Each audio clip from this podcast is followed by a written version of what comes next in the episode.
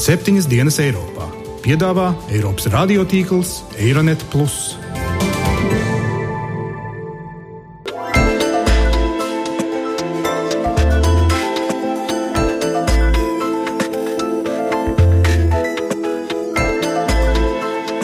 Labdien, godājumie klausītāji! Šajā ļoti skaistajā un siltajā pirmdienā Latvijas radio studijā Kārlis Streips. Esiet sveicināti raidījumā septiņas dienas Eiropā, kurā skaidrojam, kā mainās kontinents, kurā dzīvojam, un kā Eiropas un pasaules notikumi ietekmē mūs tepat Latvijā.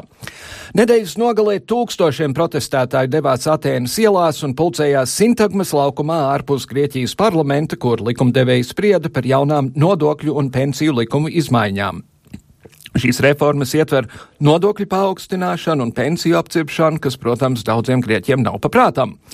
Ir pamatotas bāžas, ka varētu sākties jauna eirozonas finanšu krīze, jo izskatās, ka Grieķija varētu neveikt 3,5 miljārdu eiro parāda maksājumu jūlijā. Cipras un daudzi citi ļoti cer panākt vienošanos ar kreditoriem par parādu atlaidēm. Tāpēc šodien Briselē pulsējas ministri no valstīm, kas izmanto eiro uz ārkārtas eirogrupas sanāksmi, lai spriestu, ko darīt, lai neatkārtotos pagājušā gada grieķu finanšu drāma.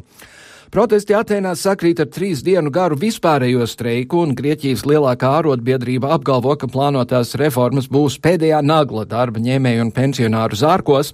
Tomēr daži grieķi joprojām tic, ka Aleksis Cipars ir spēcīgs līderis un saprot, ka ir nepieciešams pieņemt sāpīgus lēmumus, lai izrautu valsti no ielkušās krīzes. Toties šodien raidījumā spriedīsim par otru Eiropas Savienības krīzi, paskatīsimies, kāpēc Turkiem tiek piešķirts kārotais bezvīžu režīms, kā arī pastāstīsim, kāpēc mēs šodien atzīmējam Eiropas nevis uzvaras dienu.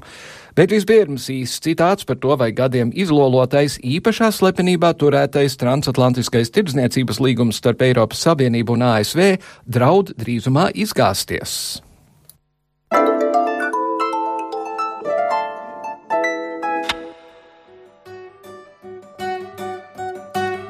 Jau trešo gadu turpinoties sarunām par brīvās tirdzniecības līgumu slēgšanu starp ASV un Eiropas Savienību, Šī mēneša sākumā vides aktivistu organizācija Greenpeace publicējusi nopludinātus slepenus dokumentus, tajos atklājot vairākus interešu konfliktus potenciālo partneru valstu starpā.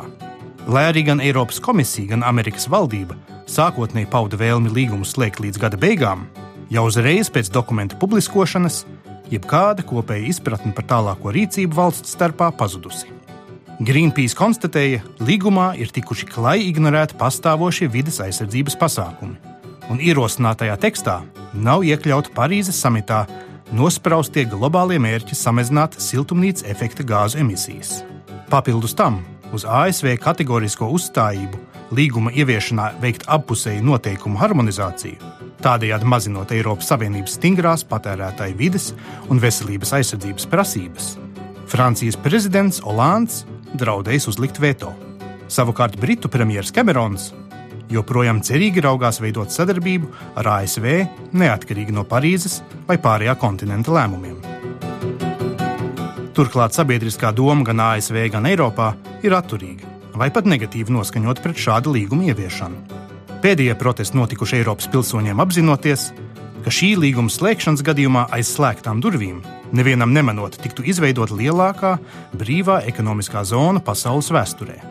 Un tādēļ viskaļākie aicinājumi protestos ir pēc lielākas caurredzamības Eiropas Savienības institūcijās un pēc lielākas spējas ietekmēt lēmumus tajās.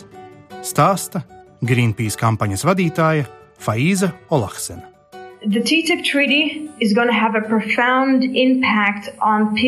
Brīvās tirdzniecības līgums varētu neizmērami ietekmēt cilvēkiem ikdienas dzīvi visdažādākajos aspektos.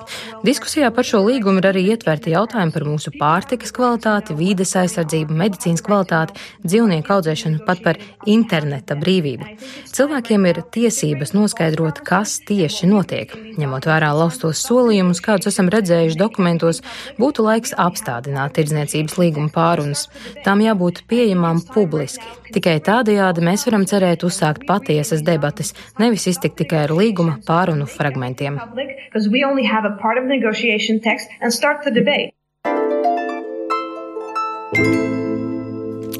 Nu jā, jāsaka gan, ka Eiropas sarunu vedēji noliedz, un arī Amerikas sarunu vedēji noliedz, ka vispār tādas problēmas pastāv. Dzīvosim, redzēsim.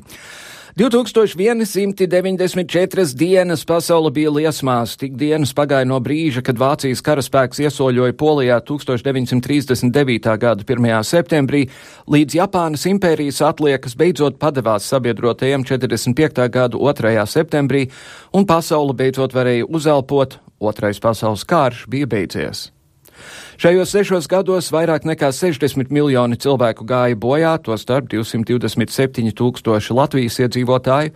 Pēc kara Eiropā bija 12 miljonus bēgļu, vīrieši, sievietes, bērni, kas bija bez mitekļa vai mītnes valsts.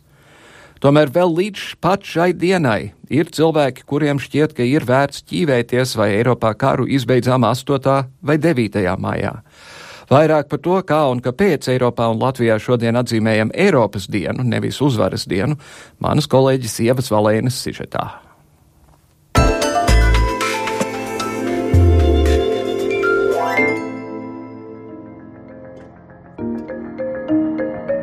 9. maija Latvijā tiek pavadīts dažādi. Vieni svin Eiropas, citi uzvaras dienu.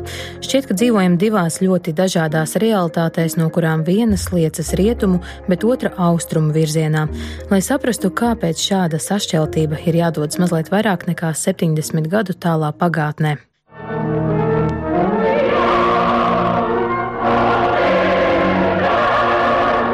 1945. gads - Eiropa kara nomocīta.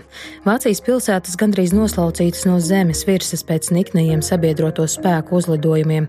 Tikmēr Austrum Eiropa atgriežas komunisma važās. Cilvēki bija noguruši no teju sešus gadus ilgā asiņainā brutālā kara. Sabiedroto armijas no nacistiem atbrīvoja pilsētu pēc pilsētas. Padomju karaspēks steidzās, viņi vēlējās būt pirmie, kas ieņem Berlīni. Tas, kas vēl bija palicis pāri no Hitlera sapņa par diženo nacistisko Vāciju, spītīgi nepadevās.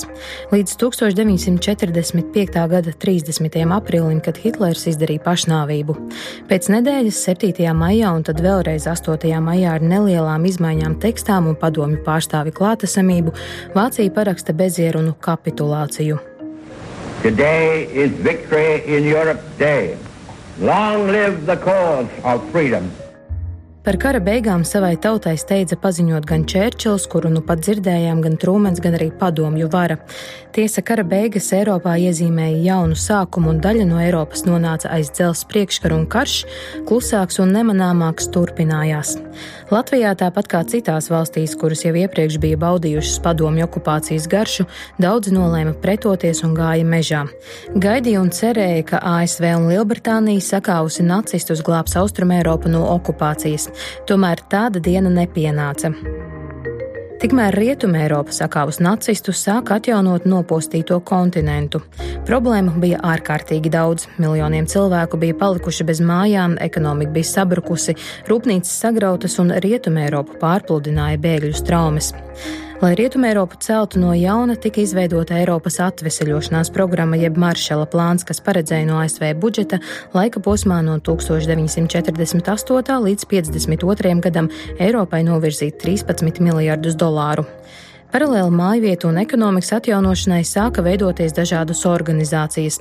Tūliņ pēc kara beigām Eiropā tika nodibināta apvienoto nāciju organizācija Jebano, kuras galvenie mērķi mainīgajā pasaulē ir nemainīgi - saglabāt mieru, drošību, veicināt attīstību un cilvēktiesību ievērošanu visā pasaulē. 1949. gadā tiek izveidota Ziemeļatlantijas līguma organizācija jeb NATO. 12 dibinātāju valstīm vienojoties aizsargāt jebkuru no dalību valstīm uzbrukuma gadījumā. Bet 1950. gada 9. maijā Francijas ārlietu ministrs Roberts Šumans Parīzē teica runu, kurā ierosināja Eiropā ieviest jaunu politiskās sadarbības veidu, kas padarītu karu starp Eiropas valstīm neiedomājamu. Faisant depuis plus de 20 ans le champion d'une Europe unie. Vairāk kā 20 gadus uzņēmusies apvienotās Eiropas līderu lomu, Francija vienmēr par savu būtiskāko mērķi ir nospraudusi kalpošanu mieram. Apvienotā Eiropa netika izveidota, un notika karš. Eiropa neizveidos uzreiz vai saskaņā ar vienotu plānu. To veidos konkrēti sasniegumi, kas pirmām kārtām radīs de facto solidaritāti. Eiropas tautu apvienošanās labad ir jāizbeidz gadiem ilgušais Francijas un Vācijas pretnostatījums. Jebkuram veicamajam pasākumam ir vispirms jātiecas uz šīm divām valstīm. Šo runu vēsturē pazīst kā Šumana deklarāciju, un to uzskata par pamatakmeni Eiropas Savienības izveidei. Jau kopš pagājušā gadsimta 80. gadiem 9. maijā atzīmē Eiropas dienu, kas veltīta mieram un vienotībai. Arī Latvijā kopš iestāšanās Eiropas Savienībā ik gadu tiek atzīmēta Eiropas diena. Šodien dažādi pasākumi notiek jau kopš agra rīta, un vairāk par tiem stāsta Eiropas komisijas pārstāve Jeļena Ābola. Tie, kuri vēlas baudīt kultūru un mākslu, no 10.30 pie ministru kabineta būs apskatāma izstāde. Izstāde ir veltīta Eiropas dienai un arī mums, kā Eiropiešiem. Tiem, kas uh, vēlēsies apmeklēt un uzzināt vairāk par uh, Eiropas Savienības vēsturi un dalību valstīm, šodien Rīgā un arī citur Latvijā ir atvērto durvju diena. Tātad Rīgā mēs gaidām gan pie sevis Eiropas Savienības mājā, gan uh, vairāk kā desmit ārvalstu vēstniecībās, gan ārlietu ministrijā jau no pusdiviem apmeklētājus, kuri vēlēsies piedalīties un uzzināt vairāk par uh, ES vēsturi un dalību valstīm. Tikmēr otrā Daugavas krastā notiek citi svētki. Cilvēki dodas nemirstīgo gājienā no Krievijas pārņemtā tradīcijā, kur gājiena laikā rokās nes karā piedalījušos armīnieku fotogrāfijas. Cilvēki pulcēs pie pieminekļa, noliek ziedus, klausās koncertu. Lai gan blakus uzvaras pieminekliņu plīvo Latvijas karogi, cilvēku rokās un apģērbā dominē Krievijas un arī PSRS atribūtika. Interesanti, ka svinības šogad gan Rīgā, gan Maskavā notiek 50. gadu. Pirmo reizi šodien dienu svinēja 1966. gadā, līdz tam tā praktiski netika atzīmēta. Līdz ar PSRS sabrukumu arī svētku atzīmēšana kļuva piezemētāka, bet atgriezās ar jaunu sparu 2004. gadā. Kā šorīt Latvijas radio intervijā skaidroja Daugopils Universitātes sociologs un politologs Dimitrijs Oļahnovičs, Tie zināmā mērā esot protesta svētki, jo līdz Krievu skolu reformai 2004. gadā to atzīmēja ar kara upuriem saistīti cilvēki vai arī savas politiskās pārliecības dēļ. Savukārt tagad politiķi šodien izmanto kā ideju gada tirgu. Uzvaras diena kļuvusi arī par ideoloģisku ieroci hibrīdkarā. Pagājušās nedēļas beigās notikušajā seminārā NVO un mediju loma hibrīdkarā Ukrainas pieredze divus gadus pēc Krievijas iebrukuma. Ukrainas eksperti brīdināja, ka līdz ar 9. māju varēsim vērot hibrīdkara paraugu stundu Krievu medijos. Ukrainas eksperts Jevgēņijs Magda sacīja, ka, citēju, būs vēstījumi par fašistiem un ļoti daudz melu. Traģēdijas lēpjas tajā, ka vienlaikus tur trūks patiesības par otrā pasaules kara briesmīgajām sekām sekām attiecībā pret Ukrainu, Baltiju un citām tautām.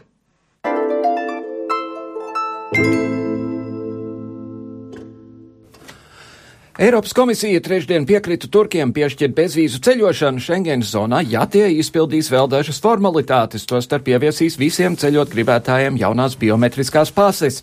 Trīs mēnešu īstermiņa Schengenas vīzas turki varēs saņemt turisma vai darījumu braucieniem visās Eiropas Savienības dalībvalstīs, izņemot īrijā un apvienotajā karalistē, kā arī uz četrām asociētām Schengenas valstīm - Īslandi, Lihtenšteinu, Norvēģiju un Šveici. Bezvīzu režīms nepiešķirs turkiem tiesības Eiropā strādāt.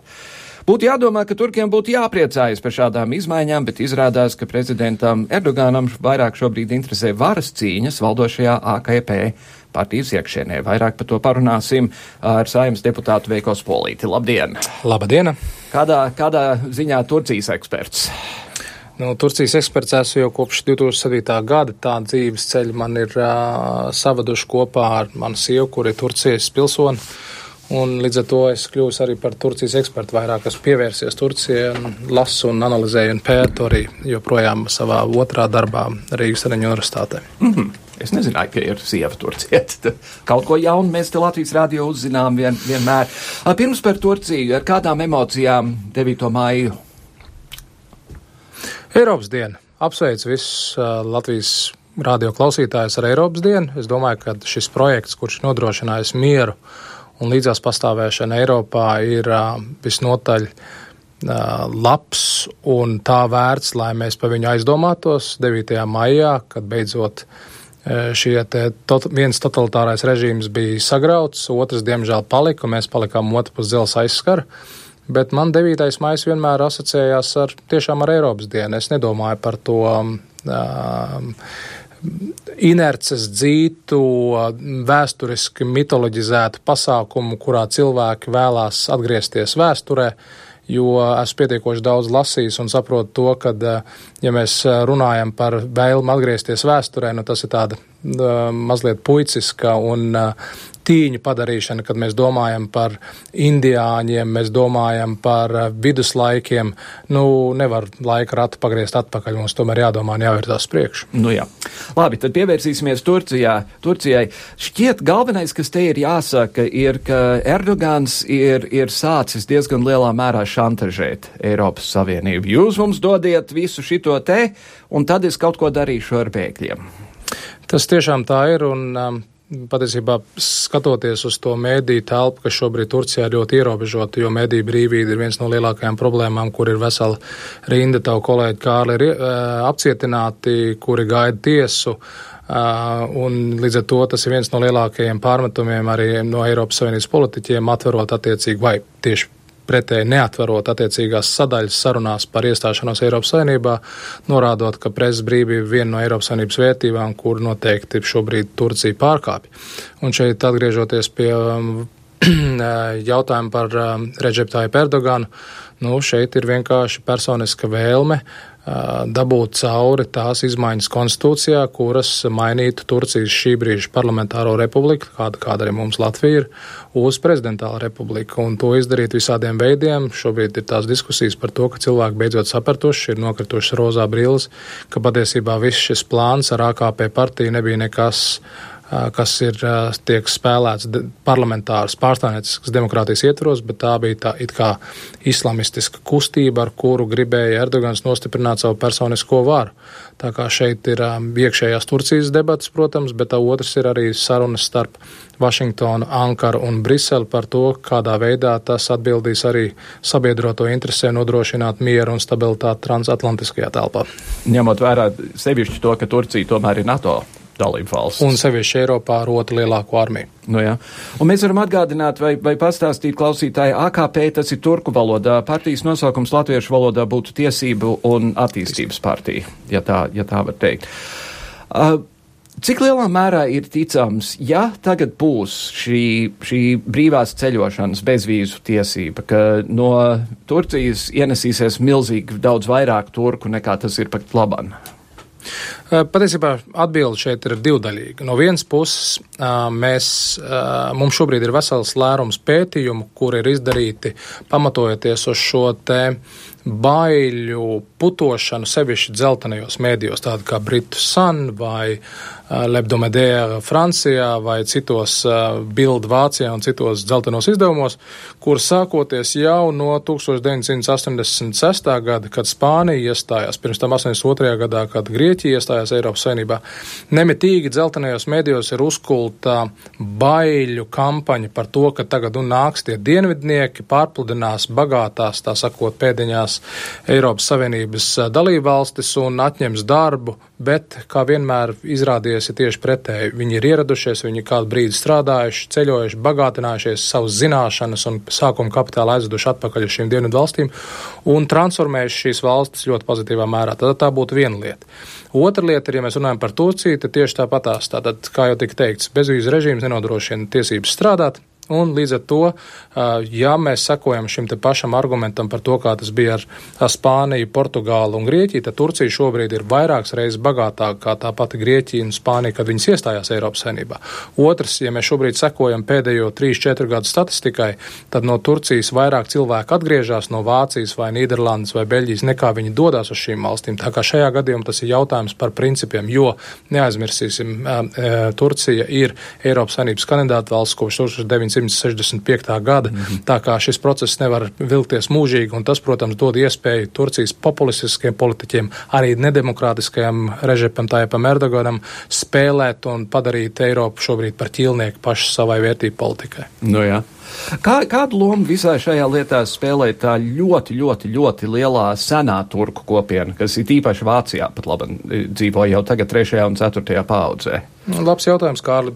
Tas ir, ja mēs runājam par šo te mm, gastarbaiteri, par viestrādnieku kopienu, tad viņi ieradās uh, uz līgumiska pamata starp Vācijas Federatīvo republiku un Turcijas republiku. Līdz ar to viņi zina spēles noteikumus.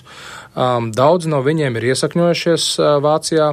Daudzi, piemēram, ir atgriezušies. Man pašam sievas rados ir ģimene, kur ir strādājuši Stuttgartē, Mercedes rūpnīcā, šobrīd ir atgriezusies, pat nedomā vienkārši apciemo Vāciju reiz pa reizei, varbūt reizi gadā, bet nav nedomas būt Vācijā tikai tāpēc, ka, piemēram, Izmirā, kur ir klimats kā Atēnās, viņš ir daudz patīkamāks nekā šis te mūsu ziemeļklimats. Mm -hmm. un, mhm. un šis ir arguments, ko varbūt mums Latvijā īsti neiz, cilvēki neizprot, jo, ja tu runā ar spāņiem, grieķiem, itāļiem, frančiem, krieviem un turkiem, viņiem tas viņu klimats ir ļoti svarīgs arguments, ko, ko, ko viņi noteikti ņem vērā, ka nu, es varu doties tur kādu laiku pabūt, būt studijās, justies kā līdzvērtīgs pilsonis, jo, jo bezvīzu režīmam mēs jau esam Latvijā aizmirsuši, ka 1998. gadā mēs saņēmām savu bezvīzu režīmu. Galvenais jautājums jau bija to, ka mūs uztver līdzvērtīgi, ka mēs esam līdzvērtīgi viens pret vienu. Tā kā tas ir Turcija tāds nu, goda un līdzvērtības jautājums, un līdz ar to Atbildot uz to jautājumu, ir tā, ka šī kopiena protams, bija ļoti um, um, saudabīga ar to, ka tā pirmā, kas ieradās, viņi tomēr nāca no lielajām pilsētām, no Stambulas, Izmiras, Ankaras. Tad vēlāk, jau senestos gados, jau nāca cilvēki no Kaizerī, no, no dienvidu austrumiem, no kurdu apdzīvotām teritorijām, kas radīja šos te kurdu anklāvus Kreuzburgā, Berlīnā un citās Vācijas pilsētās, kas e, ir radījis šo diskusiju Vācijā par šo te kultūras šoku, kur cilvēki ieradušies no tradicionālas, arī islamiskas vides, um, viņiem ir problēmas uh, ieskaņoties šajā liberāldemokrātiskajā Vācijas sabiedrībā. Bet Vācijas politika ir bijusi visnotaļ veiksmīga, viņi ir adoptējušies, lai ir arī problēmas, to, ko mēs redzējām šī gada jaungada svinībās ķelnē. Tā kā, nu, uh, jebkurš process prasa laiku un pacietību. Tā kā šajā gadījumā šī tradicionālā kopiena uh, patiesībā kalpo kā tāds civilizācijas priekšpostenis, jo par to Turcijā notiek arī nemitīgi notikušas diskusijas par to, kādā veidā šī turku kopiena, kas atgriežas no Vācijas Turcijā, kā viņi kalpo par ideju un liberālāku vērtību ģeneratoru un ieviesēju arī Turcijā. Tieši tāpatās kā mūsu kopienas pārstāvi atgriežoties no Īrijas un Lielbritānijas kalpo par piemēru arī mūsu cilvēkiem šeit sevišķi mm -hmm. Latvijas laukrajonos. Bet vai tie, tie vēsturiskie bēgļi, es pieņemu, ka viņiem ir zināšanas, ar kurās viņi varētu dalīties ar tiem, kas no jauna tur ierodas. Protams, turku valodu un arābu valodu nav laikam viens un tas pats. Pilnīgi atšķirīgs. Pilnīgi atšķirīgs. Jo arābu valoda ir semīta valoda, kā arī ebreju valoda, bet uh, turku valoda ir kā uh, turku altai grupas, līdzīgi kā ungāru, somu un uh, igauņu. Jā, bet tomēr viņiem ir, ir saprašana par to, ko tas nozīmē ierasties jaunajā valstī, kur varbūt varētu piepalīdzēt tiem, kas no jauna. Jo, ja Vācijā tagad ir ieradušies miljonus cilvēku no Sīrijas un citurienes, kādam ar viņiem ir jārunā? Jā, un uh, pat ir interesants, ir, ir gan uh, pozitīvas lietas, ir arī mazliet negatīvas lietas. No pozitīvās puses ir tas, ka pēc ķelnes notikumiem, pateicoties arī mm, Vācijas, um, atvainojos, Reinzemes un ķelnes policijas neizdarībai cilvēki vienkārši sāka paši, kā pilsoniskā sabiedrība, mm, būt kopā, domāt par to, kādā veidā aizstāvēt šīs te ķelnes sievietes, un no tā te vienkārši bija jānošķir no vienas puses tā, tā mēdī brēka un arī psiholoģiskās operācijas, ko mēs šobrīd zinām, ko ir vadījusi arī mūsu austrumu kaimiņu valsts, un otrs puses bija jautājums par šo te pilsonisko rīcību, kur cilvēki, sevišķi turku jaunieši vienkārši nāca kopā, lai aizstāvētu gan savas, gan arī vispār Vācijas sieviešu tiesības pret šiem te uzbrukumiem, un tas nostrāja, tas bija tāds varbūt tāds negatīvākais, kas parādīja to, ka patiesībā policija netiek ar saviem uzdevumiem galā. Mm -hmm. Bet no otras puses, protams, šādā ziņā viņi parādīja savu briedumu, kā viņi spēja, kā pilsoniska sabiedrība nākt kopā un risināt noteikts jautājums, ko varbūt valsts vienā brīdī nespēja izdarīt. Vai ir kaut galā zināms, kas tie neģēļi bija? Nu, šobrīd, mē, šobrīd mēs zinām, ka uh, liela daļa no šiem neģēļu, or, teiksim, šo te neģēlisko rīcību organizatoriem bija patiesībā otrās paudzes imigranti no um, Nīderlandes, no Beļģijas un arī no Vācijas citām pilsētām. Mm -hmm. Bet kā lielākā problēma tieši, ja mēs runājam par ķelnes notikumiem, lielākā problēma bija ķelnes policija, jo šobrīd runājot arī ar kolēģiem un uh, Vācijā, uh, šādas te problēmas, piemēram, Hamburgā, Berlīnē vai citās pilsētās vai Minhenē nav iedomājums. Tās bija tieši Ber uh, ķelnes policijas nespēja tikt ar šiem uzdevumiem galā. Nu, jā. Attiecībā uz Turcijas iekšpolitiku, vai, vai Erdogāna vēlme visu varu sagrābt savās rokās ir vairāk pamatot islāma, islamizācijā vai viņa paša ambīcijās un godkārē? Lai, lai to precīzi atbildētu, būtu jāspēj tikt zem, zem tā smadzeņu poda, kas ir Jā. Turcijas prezidentam. Bet um, es domāju, ka te ir gan viena, gan otra uh, spēle uh, tiek spēlēta. No vienas puses viņš, protams, kā kā moceklis vai sevi iztēlojās kā cietēju dēļ šī te Atatirka ļoti laicīgā režīma. Un šeit man jāatgādina Latvijas klausītājiem, ka Turcija izprotot šo te gandrīz 80 miljonu nāciju, jāsaprot to, ka puse Turcijas iedzīvotāji ir laicīgi, un pusi no viņiem ir visnotaļ reliģiozi, un tā robežlīnija ir uh, no ziemeļiem uz dienvidiem cauri Ankaru, un, kad, tad, teiksim, no Ankaras uz austrumiem tie tādi tradicionālāki, reliģiozāki, un no Ankaras uz rietumiem, tad tā ir tā laicīgā Turcijas daļa. Tāpat kā Ukrainā, piemēram, un zināmā mērā arī mūsu. Līdzīgi, valstī. un ja mēs skatāmies uz vēlēšanu iznākumiem, tad ļoti skaidri mēs redzam, ka AKP šī attīstības un taisnīguma partija uzvar tieši uz austrumiem, tā pašā laikā lielākās pilsētas, kaut gan iz, Stambula ir izņēmums, jo Stambulā tieši tāpatās kā Rīgā liela daļa lauku iedzīvotāji tieši no nabadzīgākajiem rajoniem pirmā vieta, kur viņi ierodās, ierodās pil, galvaspilsētā un tad mēģ, cenšas uh, apmesties doties tur un atrast sev jaunas darbiespējas. Bet uh, tas svarīgākais ir tas, ka uh, līdz ar to ir arī izpratne par to, ka neviena puse nevar otrai uzvelt uh, savu tādu ideoloģisku skatījumu par pasauli. Un šajā ziņā atbildot līdz ar to jautājumu par Erdoganu, nu, viņa izpratnē šī parlamentārā demokrātija īsti nav tā labākā forma. Viņš kā ļoti autoritārs līderis un arī kā labs politiķis, to mēs nevaram noliegt, jo tomēr no 2000. gada, ko viņš ir bijis pie varas, viņš ir tomēr konsolidējis šo varu, viņš ir spējis izdarīt vairākas reformas, izvairīties no militāra apvērsuma, kas ir, ņemot vērā Turcijas republikas pēdējo simts gadu vēsturi, nu, nav vēl simts gadu Turcijas republikā līdzīgi kā Latvijai, bet gandrīz simts gadu vēsturi, tad uh, ir liela darba paveikti, bet arī jautājums ir par kādu cenu. Teiksim, tā cena un to, ko norāda arī Eiropas partneri, ir tā, ka tomēr preses brīvība, pilsoniskās brīvība ierobežojumi, attiecību pasliktināšanās ar rietumu partneriem, domājot to, ka tagad attīstīs sevišķas attiecības ar um, Persijas līča valstu monarhistiskiem un autoritāriem līderiem, nu, tur ir lielas diskusijas pašā Turcijā, jo, piemēram, viens labs piemērs ir Turcijas tirzniecības un rūpniecības kameras. Ir Turcijā divas. Viena ir reliģiskāka, otra ir laicīga. Un tad uh, abas šīs, neatkarīgi no tā, vai ir reliģiska vai nereliģiska tur, tur, tirzniecības un rūpniecības kamera, viņi saka, ka neskatoties uz to, ka varbūt ar Eiropas Savienību mums neiet šīs attiecības un uh, tik labi, kā mēs vēlētos, un ka mūs, tā sakot, vazājas deguna, kā to citreiz izsaka Turcijas politiķi, tomēr visiem ir sapratni par to, ka Eiropas Savienība ir nepieciešama, lai transformētu un pārmainītu mainītu gan šo rūpniecības, gan sabiedrības uzbūves sistēmu Turcijā, jo viņi uzskata, ka šis Eiropas civilizācijas projekts ir kaut kas pozitīvs, uz ko ir jātiecās. Mm -hmm. Bet, uh teiksim, no sākuma, no Ataturka laikiem, Turcija bija uzstājīga sekulāra valsts, jo Ataturks saprata, ko reliģija var darīt. Cik lielā mērā tos, tos cilvēkus, kas gribēja varbūt būt reliģiozi, iedvesmoja, piemēram, Irānas revolūcija, kas būtu senākais no tiem notikumiem, bet vēl vairāk tas, kas notiek mūsdienās ar Islāma valsti un, un Arābu pavasaru un visu pārējo? Labs, labs jautājums. Patiesībā.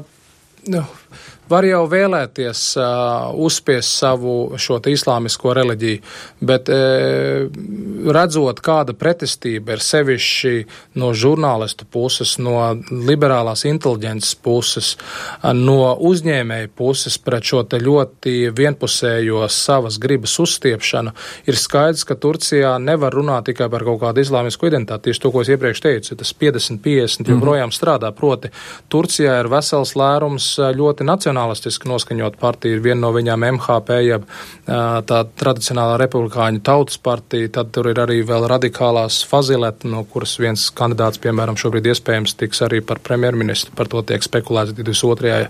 maijā ir pasludināts, kad būtu jānotiek jau AKP partijas ārkārtējiem kongresam. Tā kā šajā gadījumā var vēlēties runāt par kaut kādu sevišķu identitāti, bet Atatirka iedibinātā sekulārā republika vienmēr ir bijusi sargāta no armijas puses. Armija ir bijusi tas, nu tā nosauksim viņu sargeņģelis. Šobrīd, kad ir izdarīts reformas armijā, protams, mēs neredzam vairs valsts apvērsumu bet jebkurā gadījumā es domāju, ka armija un drošības spēki ir sardzē skatoties, kad ja tomēr notiek kaut kas neparedzēts, es neizslēdzu ārpus demokrātiskiem rāmjiem iespējamu mehānismu izmantošanu, lai risinātu situāciju ar autoritāru prezidentu. Tā kā arī tas tiek diskutēts, protams, par šādu te izrunāšanos Turcijā tev var cietumā ielikt, mm -hmm. bet, eh, bet šeit Latvijā mēs par to varam vismaz analizēt un diskutēt. Jā, bet klausītāji varbūt nezina, Turcijā te, tie apvērsumi no armijas puses ir bijuši cik kādas 5, 6, 7 reizes, 6 reizes līdz šim, jā. Um, bet Erdogans viena no lietām, ko es saprotu, viņš ir izdarījis, viņš ir iztīrījis uh, armijas komandieri, kuri ne, varbūt ir nelojāli jau ir prom prokuratūrā. Viņš dara to pašu, ko dara jebkurš diktators būtībā. Viņš to dara tieši tā, bet te pašā laikā viņam vēl nav leģitimitātes, lai viņš to darītu ar uh, likumu spēku. Un tas tā ir tā lielākā cīņa, kur tā tad, kāpēc Turcijā notika pēdējo reizi vēlēšanas tradicionāli 2013. gada beigās, bet tad redzot to, ka nav iegūts absolūtais vairākums, tad notika vēl ārkārtas vēlēšanas, kurā tad viņš dabūja cauri šo te baiļu iedvešana vēlēšana kampaņā pret kurdu tā saucamajiem teroristiem, jo nenolieksim, tu, kurdu terorisma fenomens ir ļoti saudabīgs. Arī neaizmirsīsim, ka patiesībā kurdu darba partiju finansēja un daļai dibināja arī PSRS kas ir patiesībā līdzvainīgi šobrīd un redzot Sīrijas konfliktu, kādā veidā Kremlis spēlē šo spēli, ir redzams, ka šīs vecās saites nekur nav nemaz pazudušas. Tā kā šajā gadījumā Turcijas vadība un Erdogans personiski, viņš ir tiesīgs nosaukt šo te terorismu problēmu par reāli valsti apdraudošu problēmu. Te pašā laikā tas viņam, ja mēs runājam par demokrātiju, tas nedod tiesības viņam ar, ar to ierobežot um, demokrātiskās brīvības, mm -hmm. bet mhm. tas tieši, tieši tā arī notiek. Un šajā gadījumā Nu, nu, skatīsimies. Nekas nav skaidrs. Šobrīd viss, viss ir tādā ļoti dinamiskā situācijā. Līdz 22. maijam vēl, vēl daudz kas var mainīties. Ir kandidāti, vismaz pieci uz premjerministra amatu. Un skaidrs ir tas, ka uh, Reģeps Taips Erdogans vēlās izveidot tādu ļoti stingru savu partiju vai kustību, un tas arī, nu, acīm redzot, lielāka daļa komentētāji nosliecās par to, ka viņš nevis ir ieinteresēts tieši partijas veidošanā, kas, manuprāt, ir negatīvi, cik kustībā. Nu, līdzīgi kā mums bija tautas fronte, vai, vai tautas fronte bija arī pēc pirms otrā pasaules kara vai pēc pirmā pasaules kara laika, tās ir kustības, kuras mēģina um, kaut kādu iedzīvotāju lielākas masas, neatkarīgi no viņu ideoloģiskiem strāvojumiem, apvienot vienā kustībā aiz viena noteikta līdera. Tā, tā, ir, tā ir tā vēlme, ko šobrīd Erdogans izrāda, bet eh, pretestība viņam, protams, ir liela, jo tradicionālās partijas, vai tā būtu GHP, Atatirka veidotā tautas partija, eh, kurām eh, un citas mazākas, kurām ir savi kolēģi Eiropas parlamentā un tāpat arī AKP partijas politiķi, arī viņiem bija savu kontaktu Eiropas parlamentā ar to pašu Eiropas tautas partiju. Eh, attiecības nevarēja izveidoties tieši dēļ Erdogana personības, bet, eh, nu, situācija situācija attīstās. Tā kā es domāju, arī Latvijas rādio seko šai situācijai un redzēsim, kā, kas tad īsti, kādā veidā viņš būs mums tajā 22. maijā. Mēs, protams, sekosim, jā. Un tad pēdējais jautājums. Tā atšķirības starp sekulāristiem un islāmistiem uh, Turcijā, vai tas ir lielākoties tādā zemā līmenī jautājumā, piemēram, par to, ko sievietes velk mugurā, vai arī Turcijā ir cilvēki, kas labprāt gribētu šariātu ieviest? Turcijā ir nu, cilvēku mazas grupiņas, kuras vēlētos šarētu ieviest, jo Turcijā līdzīgi kā citās Eiropas un Rietumu demokrātijās baznīca ir šķirta no valsts un patiesībā ne, bet tikai Turcijas republika, arī sultāna, es tagad neatceros, kura sultāna laikā, bet uh, Osmaņu impērijas laikā jau šis nodalījums starp valsti un baznīcu atvainos starp reliģiju un valsti jau notika. Bet uh, tas, ka uh, radikāls grupas pastāv, nu, jebkurā valstī mums arī ir savi radikāļi, viņi varbūt ir mazskaitlīgāk kā Turcijā, bet vismaz šobrīd gan nebūtu dzirdams. Un arī tas ir loģiski, ja, ja šobrīd mēdīji ir daļai brīvi Turcijā, tad mēs īsti nevaram šo te viedokļu plurālismu izdzirdēt. Tā kā tur ir jāmēģina saklausīt šīs nianses dažādās diskusijās.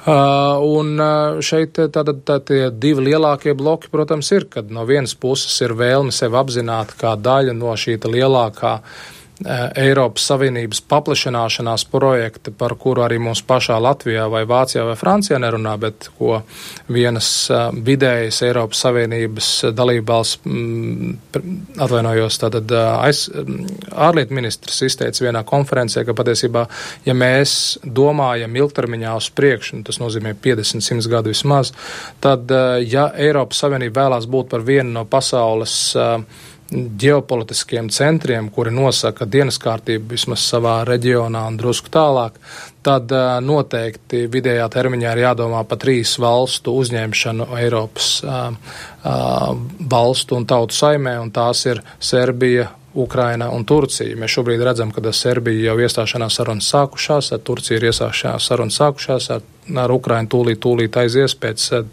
padziļinātā tirdzniecības līguma noslēgšanas un ratifikācijas, kur šērtlis bija uh, Holandas referendums, bet uh, jebkurā gadījumā šis mērķis ir skaidrs, stratēģija ir, ir izvirzīta un tā pašā laikā šeit, protams, ir liela diskusija arī par mūsu pašu eiropiešu vēlmi, jo atgriežoties pie jautājuma, ar ko mēs šo raidījumu sākām, proti par jautājumu par vīzu liberalizāciju, tad šobrīd Eiropas komisija, neaizmirsīsim, ir tikai devusi savu pozitīvu novērtējumu, bet Eiropas komisija nav tikai viena institūcija, galu galā galvārds būs jādod arī Eiropas parlamentam, un tur ir pietiekoši daudz populistisku politiķu, kuri savu īslaicīgo mērķu labāk ir gatavi nobrucināt šādu mm. iespējamu attīstību. Un tā teikt, sekosim notikumiem.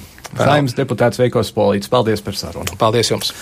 Amerikāņu rakstnieks Marks Tveins apgalvoja, ceļot nozīmē parakstīt nāves spriedumu aizspriedumainībai, aprobežotībai un šaurpierībai. Mēs septiņas dienas Eiropā novēlam visiem toties ceļojumā. Sabrūkot Padomju Savienībai un izveidojoties jaunai valstī Krievijai, tika iedibināta jauna konstitūcija, kas saviem pilsoņiem ļāva brīvi ceļot ārpus Krievzemes robežām pēc 70 izolācijas gadiem.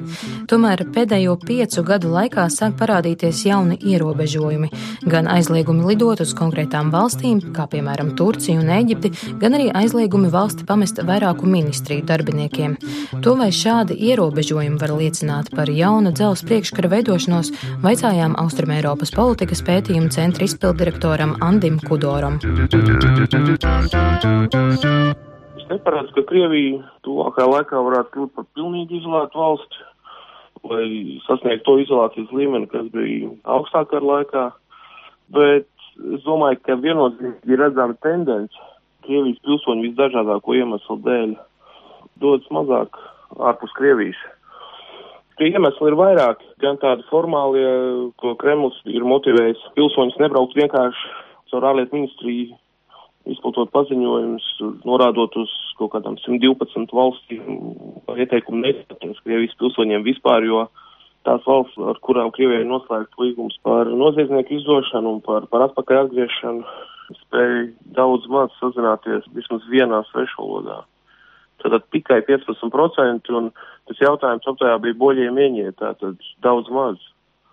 Un, nu, ja jūs nezināt valodu, pat ja jūs kaut kur dotaties ārpusē, nu, tas vienīgā reālā komunikācija jums ir ar gidu, un ja tas ir turismu ceļazīmes, pat tie, kas ceļo ārpus, cik viņi redz, piemēram, Dānijas demokrātijas funkcionēšanu. Un kāpēc šis ir svarīgi?